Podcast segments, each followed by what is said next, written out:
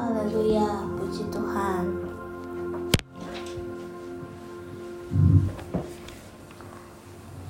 Oke. Hari ini uh, Bapak Gembala tidak bersama-sama dengan kita, sedang pergi ke Robinville dan Mildura. Di sana ada Natal, juga beberapa jemaat youth pergi juga ke Robinville dan Mildura ya. Uh, biarlah itu tidak mengurangi sukacita kita karena biasanya kan kalau bapak pergi, saya juga pergi kan. Hari ini ada di sini, puji Tuhan. Bapak, eh bapak, Pastor Brandley juga tidak bersama-sama dengan kita. Ada ibadah Natal Kawanua dan ada beberapa Kawanua palsu nggak pergi. Enggak, jangan marah dong, bercanda. Ya, uh, Haleluya. Baik, um, firman Tuhan hari ini bicara tentang uh, Natal dan kekudusan. Jadi uh, kita buka kitab kita di Lukas pasal 1 ayat 26 sampai 38. Oh, oke. Okay. Bapak Ibu Saudara perhatikan dengan baik supaya kita bisa uh, menerima firman Tuhan dengan sungguh-sungguh ya. Karena kalau minggu depan 24 25 itu ya udah nggak konsentrasi deh dengar firman. Lo mikirinnya, oh saya mau nyanyi, oh saya mau choir, oh saya mau sendokin makanan gitu ya. Uh saya mau apa gitu. Udah gak konsentrasi. Jadi hari ini dengar firman Tuhan baik-baik. Amin? Amin. Nggak apa-apa saya mau jawab sendiri juga ya. Saya baca buat bapak ibu saudara. Demikian firman Tuhan. Lukas 1 ayat 26 sampai 38 dalam bulan yang keenam Allah menyuruh malaikat Gabriel pergi ke sebuah kota di Galilea bernama Nazaret kepada seorang perawan yang bertunangan dengan seorang bernama Yusuf dari keluarga Daud. Nama perawan itu Maria. Ketika malaikat itu masuk ke rumah Maria, ia berkata, "Salam, hai engkau yang dikaruniai Tuhan." Dikaruniai Tuhan menyertai engkau. Maria terkejut mendengar perkataan itu lalu bertanya di dalam hatinya, "Apakah arti salam itu?" Kata malaikat itu kepadanya, "Jangan takut, hai Maria, sebab engkau beroleh kasih karunia di hadapan Allah. Sesungguhnya engkau akan mengandung dan akan melahirkan seorang anak laki-laki, dan hendaklah engkau menamai dia Yesus. Ia akan menjadi besar dan akan disebut Anak Allah yang Maha Tinggi." Dan Tuhan Allah akan mengaruniakan kepadanya tahta Daud bapa leluhurnya, dan ia akan menjadi raja atas kaum keturunannya Yakub sampai selama-lamanya, dan kerajaannya tidak akan berkesudahan. Kata Maria kepada malaikat itu, "Bagaimana hal itu mungkin terjadi karena aku belum bersuami?" Jawab malaikat itu kepadanya, "Roh Kudus akan turun ke atasmu, dan kuasa Allah yang Maha Tinggi akan menaungi engkau.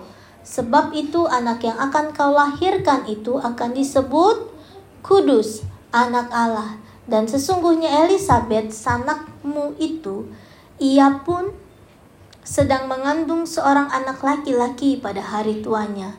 Dan inilah bulan yang keenam bagi dia yang disebut mandul itu. Sebab bagi Allah tidak ada yang mustahil. Kata Maria, Sesungguhnya aku ini adalah hamba Tuhan, jadilah kepadaku menurut perkataanmu itu. Lalu malaikat itu meninggalkan dia. Amin. Amin. Oke, kita balik ke ayat yang ke-26 supaya Bapak Ibu konsentrasi di ayat 26. Di situ dibilang apa? Dalam bulan yang keenam Allah menyuruh malaikat Gabriel pergi ke sebuah kota di Galilea bernama Nazaret. Nah, Bapak Ibu Saudara, banyak orang yang bertanya begini, Bu, uh, menurut artikel di Google, katanya kelahiran Yesus Natal itu uh, bukan bulan Desember, itu kelahiran dewa matahari katanya ya. Jadi kita merayakan kelahiran dewa matahari. Ya, katanya begitu ya uh, mana ada Allah beranak dan sebagainya begitu ya. Jadi uh, bulan keenam ya uh, di kalender Yahudi itu jatuh di bulan September. Jadi September dikasih tahu maka lahirlah bulan Desember ya. Nah, kalau di Alkitab uh, itu awal tahunnya bulan Nisan ya. Bukan mobil. Nisan ya. Nah, itu uh, adalah bulan setelah pembebasan dari Babel. Nih khotbahnya serius amat ya Bu ya. Yang habis ibadah dari Siti tambah pusing ya. Kemarin di City khotbahnya serius hari ini ibu khotbah serius lagi pusing pala Barbie kan. Nah bulan Nisan, oh Tuhan Yesus tolong. ini akibat ini loh bapak ibu saudara kan biasanya waktu saya remaja tuh saya yang suka pakai celana sobek-sobek gitu ya sampai papa saya marah kan ini WL nih celananya sobek di sini saudara ya saya mau marahin dia kakak saya kan oke okay. Nah, bulan Nisan adalah bulan uh, jadi awal tahun di di uh, Israel disebutnya uh, bulan Nisan. Di situlah pertama kali uh, Yesus uh, dikandung di bulan Maret. Jadi kan begini, bulan gini loh Bapak Ibu Saudara supaya saya nggak salah ngerti nih. Jadi gini, bangsa Yahudi memulai awal tahunnya bulan September Bulan keenamnya berarti bulan Ma Maret, September, Oktober, November, Desember, Januari, Februari, Maret, ya. Nah, dari Maret lahirlah bulan Desember. Nah, bulan Maret ini di Alkitab di setelah pembebasan Babel disebut bulan Nisan, di mana di situlah Yesus mulai dikandung. Dan di bulan Nisan itulah hari Paskah. Yesus dikandung di bulan Nisan dan dia meninggal juga di bulan Nisan, Paskah. Jadi semua yang ada di dalam Alkitab ada korelasinya, ada benang merahnya. Jadi bukan uh, pelajaran atau agama yang sembarangan, tetapi semuanya sesuai dengan garis sejarah, ilmu pengetahuan, semuanya jadi satu. Jadi Bapak Ibu Saudara, kalau kita jadi anak Tuhan hari ini harus bersyukur bahwa semuanya pas sesuai dengan fakta-fakta sejarah. Ini kebanyakan nonton pengadilan Sambo nih ya. Jadi Oke, sampai sini Bapak Ibu Saudara sudah percaya ya bahwa Natal itu Desember, bukan di karang-karang, bukan tiba-tiba. Jadi memang adalah bulan Desember. Nah, yang saya mau bahas malam hari ini adalah Natal dan kekudusan. Begini Bapak Ibu Saudara, di ayat yang ke-28 di situ dibilang, "Salam hai engkau yang dikaruniai." Tuhan menyer tai. Nah, Bapak Ibu Saudara, me, dikaruniai itu bahasa Inggrisnya favor gitu ya. Dikaruniai. Jangan takut ayat yang 30 sebab engkau beroleh kasih karunia, favor lagi nih dari Tuhan. Ini sesuatu yang penting yang mesti kita ketahui. Ya, Allah malaikat berkata jangan takut sebab engkau beroleh kasih karunia. Jadi pertama kali tuh Bapak Ibu Saudara kalau lihat gambar hitam-hitam di atas itu ya itu ada cerita tentang Yesus yang paling pertama itu malaikat ketemu Maria. Jadi kalau orang habis gambar dilihat ya Bapak Ibu Saudara ya. nah, itu Ma Maria dihampiri oleh malaikat, "Hai engkau yang dikaruniai." Terus di situ dibilang jangan takut sebab engkau beroleh kasih karunia. Kenapa sih penting arti kasih karunia? Nah, ayat 35, lompat-lompat nih kita lihatnya ya.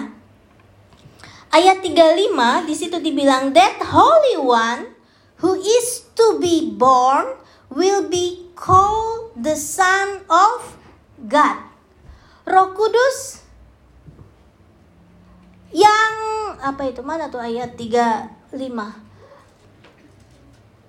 akan menaungi engkau anak yang kau lahirkan itu akan disebut kudus anak anak Allah. Jadi yang saya mau ceritain begini. Ya, Ibu, jangan serius-serius. Oke, saya mulai tidak serius ya.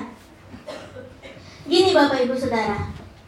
Perhatikan ke arah saya.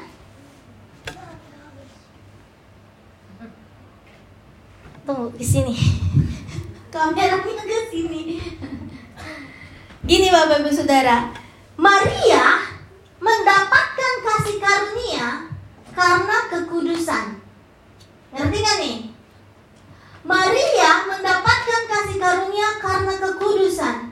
Yusuf tunangannya mendapatkan kasih karunia karena kekudusannya. Jadi Maria dan Yusuf ini adalah dua insan yang saling bercinta dan menjalani kisah percintaan itu dalam kekudusan. Oke? Okay? Karena itulah Allah memberikan kasih karu karunia. Yusuf Maria kudus. Yesus lahir adalah ku kudus. Kita anak-anaknya ku kuda. Kudus juga dikuduskan. Gini, kalau Maria dan Yusuf be, mereka berdua menjaga kekudusannya sedemikian rupa sehingga beroleh kasih karunia Yesus yang memang anak Allah, yaitu Allah sendiri otomatis kudus. Nah, kita kita ini dikuduskan. Apa tuh dikuduskan? Dikuduskan tuh kayak gini loh. Diputihkan, yang hitam jadi putih. Ditampar, yang lagi diem aja tiba-tiba dipukul Dikuduskan tuh artinya yang tidak kudus tetapi diberikan kasih karunia untuk menjadi ku kudus. Gini loh Bapak Ibu Saudara. Dalam perjanjian lama hukum Taurat kudus dulu baru dapat kasih karu karunia. Ngerti gak nih? Matanya jangan bengong-bengong begini. Zaman perjanjian lama, nabi-nabi sebelum Yesus lahir, kudus dulu baru dapat kasih karu karunia. Nah di zaman perjanjian baru setelah perjanjian baru dapat kasih karunia dulu baru menghargai kasih karunia itu dengan keku kekudusan. Mengerti nggak bedanya? Ngerti ya? Halo? Hmm. Gitu dong. Jadi uh, sayanya semangat gitu ya Bapak Ibu Saudara. Saya udah semangat Bapak Ibu Saudara bengong-bengong Ibu ngomong apa sih nih hari ini gitu ya. Jadi dapat kasih karunia dulu baru menjaga kasih karunia itu dengan keku kekudusan. Karena Maria kudus maka dipilih untuk mendapatkan kasih karunia melahirkan Yesus yang yang kudus. Keren ya? Keren nggak Bapak Ibu Saudara? Biarin aja yang bikin kameranya pusing. Ibu bisa nggak sih kalau khotbah diem aja nggak bisa? Nah, jadi gini, Maria itu kudus, kemudian mendapatkan kasih karunia. Yang kita kejar dalam kehidupan kita adalah mendapatkan kasih karu karunia, iya nggak sih? Kita kan bahagia kalau dapat bos yang baik hati. Kita kan bahagia kalau dapat suami yang baik hati. Kita bahagia kalau dapat teman yang baik hati, ya kan? Yang penuh dengan kasih karunia, kita salah dimaafkan. Kita melakukan hal yang e, tidak baik tetap dimaafkan, itu namanya kasih karu karunia. Nah, kita semua kejar kasih karunia, tapi perhatikan baik-baik. Maria dan Yusuf kudus selalu mendapatkan kasih karunia. Wow, hebat. Kita bilang tepuk tangan, makanya dibilang dipanggilnya Bunda Bunda Maria dikuduskanlah namamu gitu ya. Tetapi perhatikan baik-baik bahwa yang mendapatkan kasih karunia yaitu Bunda Maria, apa sih perjalanan yang harus dia lewati dalam kehidupannya. Bagaimana dia harus mengandung. Padahal tidak pernah bersetubuh dengan Yusuf. That's a big problem. Apakah ini yang namanya kasih karunia? Coba pikirin. Jadi kalau saya jadi Maria kan dipang ketemu malaikat gitu ya. Hai engkau yang dikaruniai Tuhan. Kau akan dikaruniai. Wah karunia karunia. Kita berpikirnya bahwa Wes, aku akan menjadi seseorang yang begitu dihormati, dikasihi, dicintai. Bahwa semua orang mata akan menatap dengan kagum bahwa aku mengandung dan akan melahirkan anak raja di atas segala raja. Tapi pada kenyataannya tidak begitu. Pada perjalanannya tidak begitu. Bagaimana Maria harus mengandung, kemudian melahirkan. Melahirkan bukan melahirkan di satu tempat yang layak, tetapi di kandang domba. Bagaimana dia harus membesarkan Yesus sebagai anak tukang kayu, bagaimana dia harus mendampingi Yesus pada perjalanan pelayanannya, bagaimana Maria harus mendampingi Yesus menjelang kematiannya di atas kayu salib.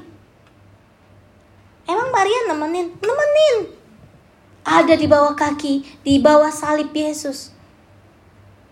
Makanya Maria, makanya Yesus bilang, "Jagalah ibuku," katanya gitu ya. Waktu disalib Yesus masih sempat bilang jaga ibuku ibu yang sudah mengandung aku. Ada. Maria ada di bawah kaki salib Yesus. Apakah itu sesuatu yang mudah tidak apakah itu yang dinamakan kasih karunia jadi kalau kasih karunia ternyata kita harus melewati problem demi problem, proses demi proses, maka kita akan bilang, ya udahlah bu, nggak usah kasih karunia. Saudara ngerti maksudnya? Kenapa Maria dibilang bunda, kudus dan sebagainya? Karena jernih kehidupannya dalam menjalani kasih karunia itu bukan sesuatu yang mu Bukan sesuatu yang mudah, sesuatu yang berat, sesuatu yang sukar. Jadi kalau ibu-ibu ya, sedikit-sedikit marah, sedikit-sedikit kesel, sedikit-sedikit mau banting piring gitu ya. Hey, your journey, Ciela. Tidak sesulit Maria. Dikit-dikit mau marah, dikit-dikit mau banting, dikit-dikit. Bisa aja nih. Cerai aja nih. Menyesal aku menikah dengan kamu. Terus suaminya jawab aku juga menyesal. Sayang aja nggak bisa di refund di retur juga nggak bisa tukar tambah juga nggak bisa rugi sama nih yang masih single. Sedikit-sedikit ngeluh, patah hati, galau, pasang story hitam, lagu-lagu sedih. Hei, perjalanan kekudusan Maria dalam menggenapi kasih karunia itu susah. Keras nih, keras nih ya. Perhatiin nih, keras nih. Maria sama Yusuf relationshipnya kudus yang dijalanin berat kamu relationshipnya nggak kudus-kudus amat terus ketika putus patah hati sedih galau nangis Hah.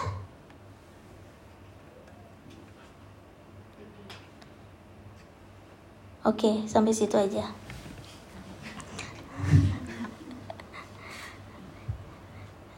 Ibu-ibu sama bapak-bapak jangan senyum-senyum. Udah lupa mungkin dulu pacarannya gimana. ya. Jadi mari kita ingat baik-baik. Jadikan hari ini membuat kita mengerti, menghargai kasih karunia itu. Zaman sekarang adalah zaman kasih karunia. Ya. Seperti Rasul Paulus mendapatkan kasih karunia dulu, baru dia hidup dalam kekudusan sampai dia mati.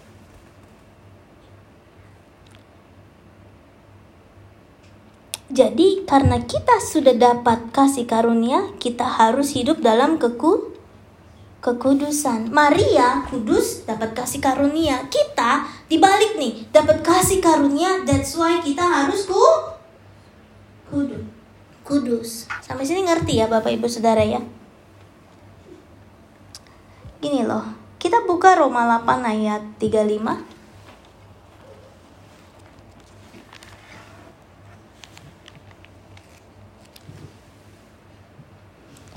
Siapakah yang akan memisahkan kita dari kasih Kristus? Penindasan atau kesesakan atau penganiayaan atau kelaparan atau ketelanjangan atau bahaya atau pedang? Saya ganti ya. Siapakah yang akan memisahkan kita dari kasih Kristus? Pacar, janda, narkoba, free sex, pernikahan sejenis. Oh Tuhan, live lagi yang nggak boleh nih di Australia. Apa yang bisa memisahkan kita? Nggak ada, Bapak Ibu Saudara. Seharusnya karena kita mendapatkan kasih karunia itu, kita harus berjuang menjaga kasih karunia itu dengan kekudusan hidup yang semaksimal mungkin.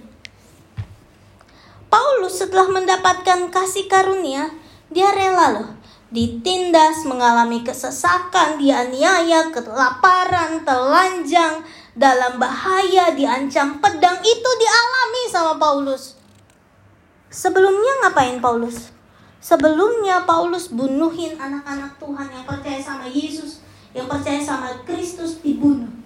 Setelah dia bertemu dengan Yesus, setelah dia mengalami kasih karunia, maka dia menghargai kasih karunia itu dengan rela mati demi Kristus, menjaga kekudusan hidupnya sampai mati demi Kristus sampai Injil tersebar ke area Asia orang Indonesia, orang Malaysia kan orang Asia kan? Orang India juga orang Asia. Kalau nggak ada Paulus, berita Injil nggak sampai sampai sama kita.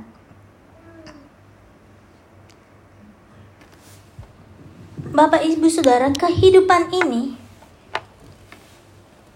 harus kita maknai dengan benar. Natal tahun ini harus kita maknai dengan benar. Kita belajar dari Maria, kita belajar dari Paulus. Memelihara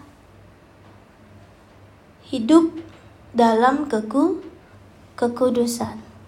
Bapak Ibu Saudara saya mau bilang begini, sampai hari ini Bapak Gembala itu berapa hari sekali dia pasti kalau tidur teriak-teriak masih mengalami serangan kuasa kegelapan. Ah, ah gitu ya. Ketemu orang mati lah dikejar-kejar setan lah. Terus saya bilang kamu apa perlu kelepasan atau gimana ya? Ternyata memang yang di atas itu menjadi target utama kuasa gelap. Gitu. Terus saya sampai hari ini juga masih mengalami kehidupan yang berat, tantangan, dan sebagainya. Tetapi semua ini yang terjadi nih ya, serangan iblis, sakit penyakit, aniaya, ketakutan, kelemahan, semuanya ini jangan sampai melahirkan kecemasan sehingga akhirnya kita kompromi dengan dosa. Sehingga kita akhirnya memelihara kecemaran. Khotbah Natal kenapa begini ya Ibu? Ya begitulah. Sehingga hidup kita jangan lagi mau di framing seperti orang ingin sering kali kita tuh hidup tuh kita framing sedemikian rupa bagaimana kita ingin dinilai begitulah yang kita lakukan sehingga banyak sekali orang-orang yang munafik. Dan salaman.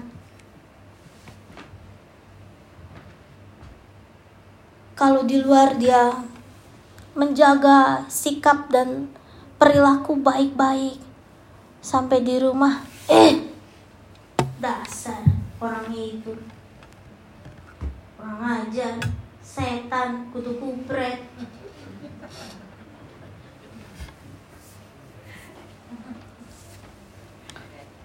semua ya foto profil kita di WhatsApp mencerminkan bagaimana kita ingin dipandang ya kan kalau kita lagi sedih kita pasang foto yang lagi sedih kalau kita lagi baru menikah, kita pasang foto pernikahan. Kalau kita lagi baik-baik saja sama pasangan, profile picture kita bersama pasangan. Kalau kita merasa anak-anak kita lagi baik semua pasang tuh sekeluarga anak apa anaknya lima dijejer semua satu friend sampai buletan WhatsApp tuh nggak muat gitu ya.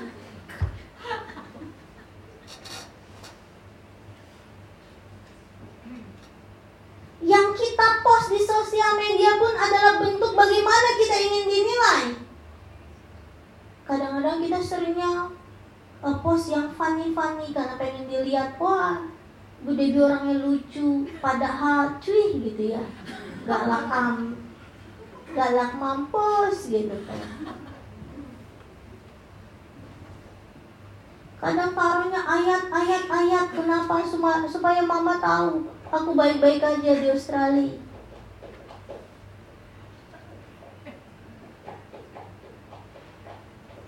Kadang-kadang story kita ibadah pada saat ke tempat yang lain gak ada storynya.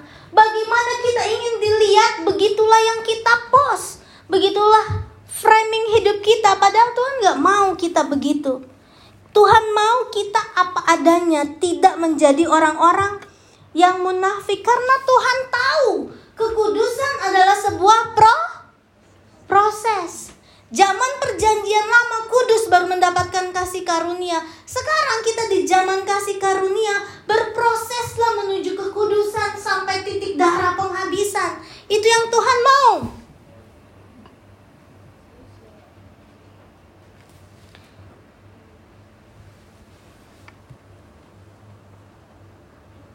saya menyampaikan firman Tuhan kebenaran hari ini keras. Kesannya seperti menusuk-nusuk. Kesannya seperti menghakimi. Resikonya apa? Resikonya dibenci. Resikonya dianggap sotoy. Resikonya dianggap sok bener gitu ya. Padahal tujuannya cuma satu supaya firman Tuhan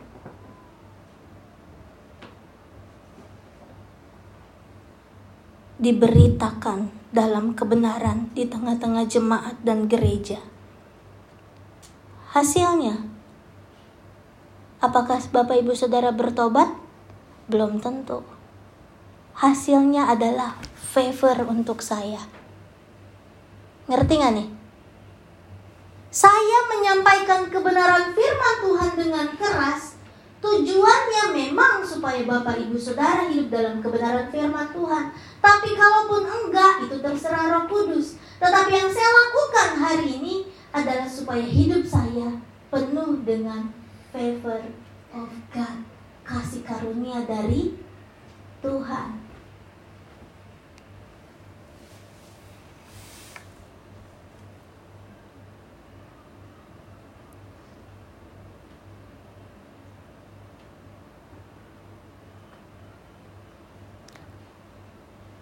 Bapak Ibu Saudara, kita mesti mengerti kebenaran ini dengan baik.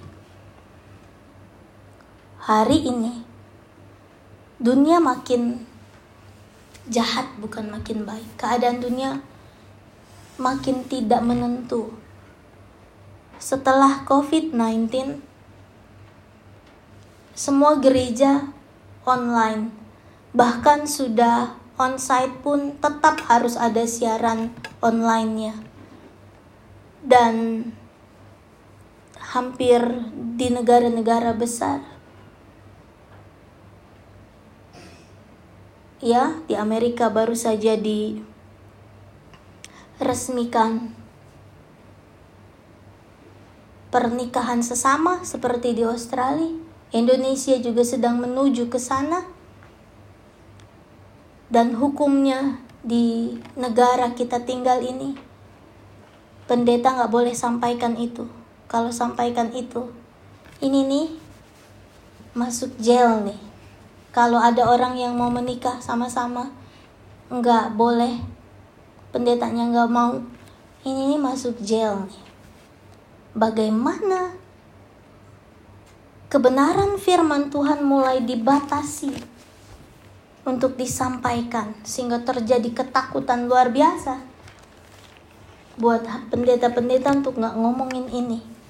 Saya udah bilang jangan di online ya tapi ya gimana? Ya udahlah ya ngomong aja. Karena bapak ibu saudara harus dengar. Buat tidak ada kompromi semua ini sudah dikuasai satelit sehingga kebenaran firman Tuhan di framing sedemikian rupa untuk tidak diberitakan secara utuh. Saya deg-degan nih. Jangan sampai Bapak Ibu Saudara itu nggak boleh ya.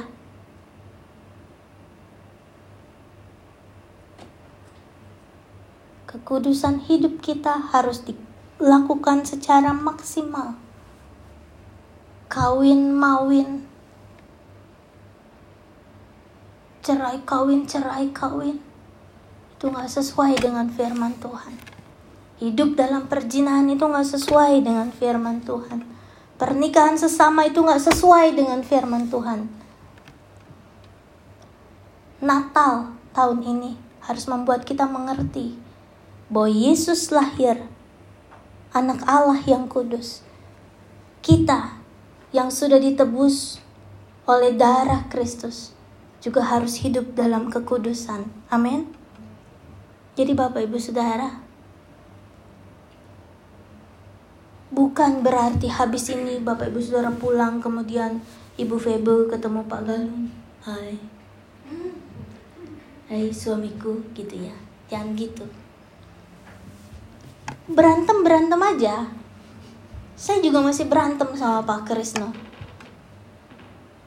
Tapi habis berantem selesai. Bukannya terus berantem terus kamu masukin baju dalam koper mau pergi gitu. Enggak. Berantem ya udah. Berantem mencari satu titik temu kemudian lanjutkan lagi pernikahan. Tuhan itu sama dengan orang tua kita. Kita yang udah tua menyadari kan betul ya yang diajarkan mama saya dulu ya nggak? Yang udah tua. Ternyata mama saya dulu galak tujuannya gini ya. Ternyata bapak saya dulu galak tujuannya gini ya. Kembali kepada ke orang tua. Tuhan juga gitu. Gereja juga sama. Gereja memang harus mengajarkan kebenaran. Bapak ibu saudara benci atau nggak suka ya udah. Tetapi tetap pada waktunya saudara harus kembali ke gereja. Mengerti maksud saya? Anak kabur dari rumah karena begitu kerasnya orang tua. Suatu saat harus balik gak? Harus balik. Tapi kalau sudah cukup dewasa, kita akan bilang, Mam, aku masuk uni dulu ya, bye udah masuk uni pergi lebih jauh lagi. Mam, aku kerja dulu ya ke Australia. terus bilang waktu pergi diantar di airport kan jaga baik-baik ya ingat firman Tuhan selalu ya. Iya. Balik badan. Yes. It's okay. Suatu saat akan kembali ke orang tua kan? Mau nikah perlu orang tua kan semua perlu orang tua seperti kita perlu Tuhan, seperti kita perlu gereja. Ya begitu. Paham? So hari ini maknai Natal untuk hidup dalam kekudusan, untuk hidup dalam kebenaran. Karena Kristus lahir untuk menguduskan kita. Kristus mati untuk menguduskan kita. Kristus bangkit untuk menguduskan kita. Kristus naik ke surga untuk menguduskan kita. Itu tujuannya. So jangan sia-siakan lagi kasih karunia Tuhan dalam kehidupan kita. Kita yang sudah ada dalam rumah tangga yang berpisah. Ada Tuhan di samping kita kita yang sedang menghadapi persoalan dalam rumah tangga, ada Tuhan di dalam kehidupan kita. Kita yang sudah melewati kehidupan yang sangat berat di masa muda. Saudara saya bilang gak ada yang lebih bandel dari saya deh. Saya kelas 5, rendah, itu udah ngambilin puntung rokok papa saya. Berarti papa saya ngerokok ya? Iya saya ambilin puntungnya saya kupasin saya gulung lagi pakai kertas sekolah. Saya rokok saudara. Bener. Terus sampai saya uh, sekolah menengah gitu ya kelas 9, 8 masih melakukan itu terus akhirnya terjun ke pelayanan terus saya mau ke pelayanan gak boleh terus saya kabur gitu ya. Saya kabur saya main dengan teman-teman saya yang biasa dugem biasa minum wine di depan Kempinski Sudirman. Waktu itu posisi saya marketing manager boleh pilih model mana. Saya kan gendut ya saudara begini oh sebelum nikah tuh udah begini. Ditawarin karena uh, saya kerja di trading forex. Jadi waktu itu ada kalau ada orang investment oh, tolong buat uh, untung kamu mau cowok yang mana? Jadi saya ketemu model-model yang yang gitu tapi juga maco ya uh, apa namanya? Yes. Kiri yes kanan yes gitu ya. Oke. Okay. tapi memang saya nggak suka perzinahan. Saya sukanya merokok minum alkohol ya semua orang punya dosa favorit masing-masing. Ada yang sukanya perzinahan ada yang sukanya mabuk ada yang sukanya judi ada yang sukanya apa. Punya dosa favorit masing-masing. Sampai saya capek saya bilang aduh Tuhan saya capek nih. Saya mau nikah nih. Gimana ya nikah dapet suami pendeta gitu supaya saya balik ke panggilan awal hidup saya? Terus kata Tuhan kurang ajar lu ya. Udah sebegitu kelamnya hidupmu terus bilang mau nikah sama pendeta lagi. Terus aku bilang ya Tuhan kalau boleh. Ketika kita tahu arti kasih karunia Tuhan kasih kar kasih karunia kemudian kejar hidup dalam kekudusan. Setelah saya dapatkan Kristo udah nikah baru saya bilang dulu saya begini loh. Astagfirullah dia bilang. Kalau tahu begini saya nikah sama mantan pacar saya aja yang benar, yang pakai rok, rambutnya panjang, halus, lembut. Tapi kalau nggak dapet saya, kan nggak bisa ke Melbourne pelayanan kayak sekarang. Bapak Ibu Saudara ngerti nggak maksudnya? Apa yang sudah rusak, Tuhan kasih karunia. kemudian pelihara dari sekarang sampai pada akhirnya supaya kehidupan Tuhan nyata di kehidupan kita, kemurahan Tuhan nyata di kehidupan kita. Ada kasih karunia yang besar dalam kehidupan kita. Terakhir yang saya mau saksikan, anak saya udah selesai dengan sesi psikolognya. Iya anak ibu, depresi ya iya. Depresi dia jadi anak pendeta kan. Harus salaman. Hmm, bilang, Mami I'm tired being a fake person. Hmm di COVID-19 kemarin dia punya sesi satu tahun dengan psikolog. Nggak pernah. Nilainya jelek terus bapak ibu saudara. Baru kemarin akhir tahun nilai dia bagus. Ed standar ed standar itu bagus buat saya. Ya cukup itu bagus buat saya dia dapat award setelah dua tahun sekolah itu cukup buat saya tetapi kita harus terus mengerjakan itu.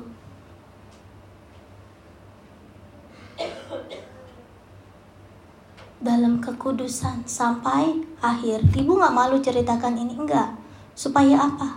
Supaya kita tahu apa itu arti kasih karunia. Supaya kita tahu mengerjakan kekudusan dalam kehidupan kita. Amin. Saya undang singer maju. Kita naikkan pujian yang terakhir tadi.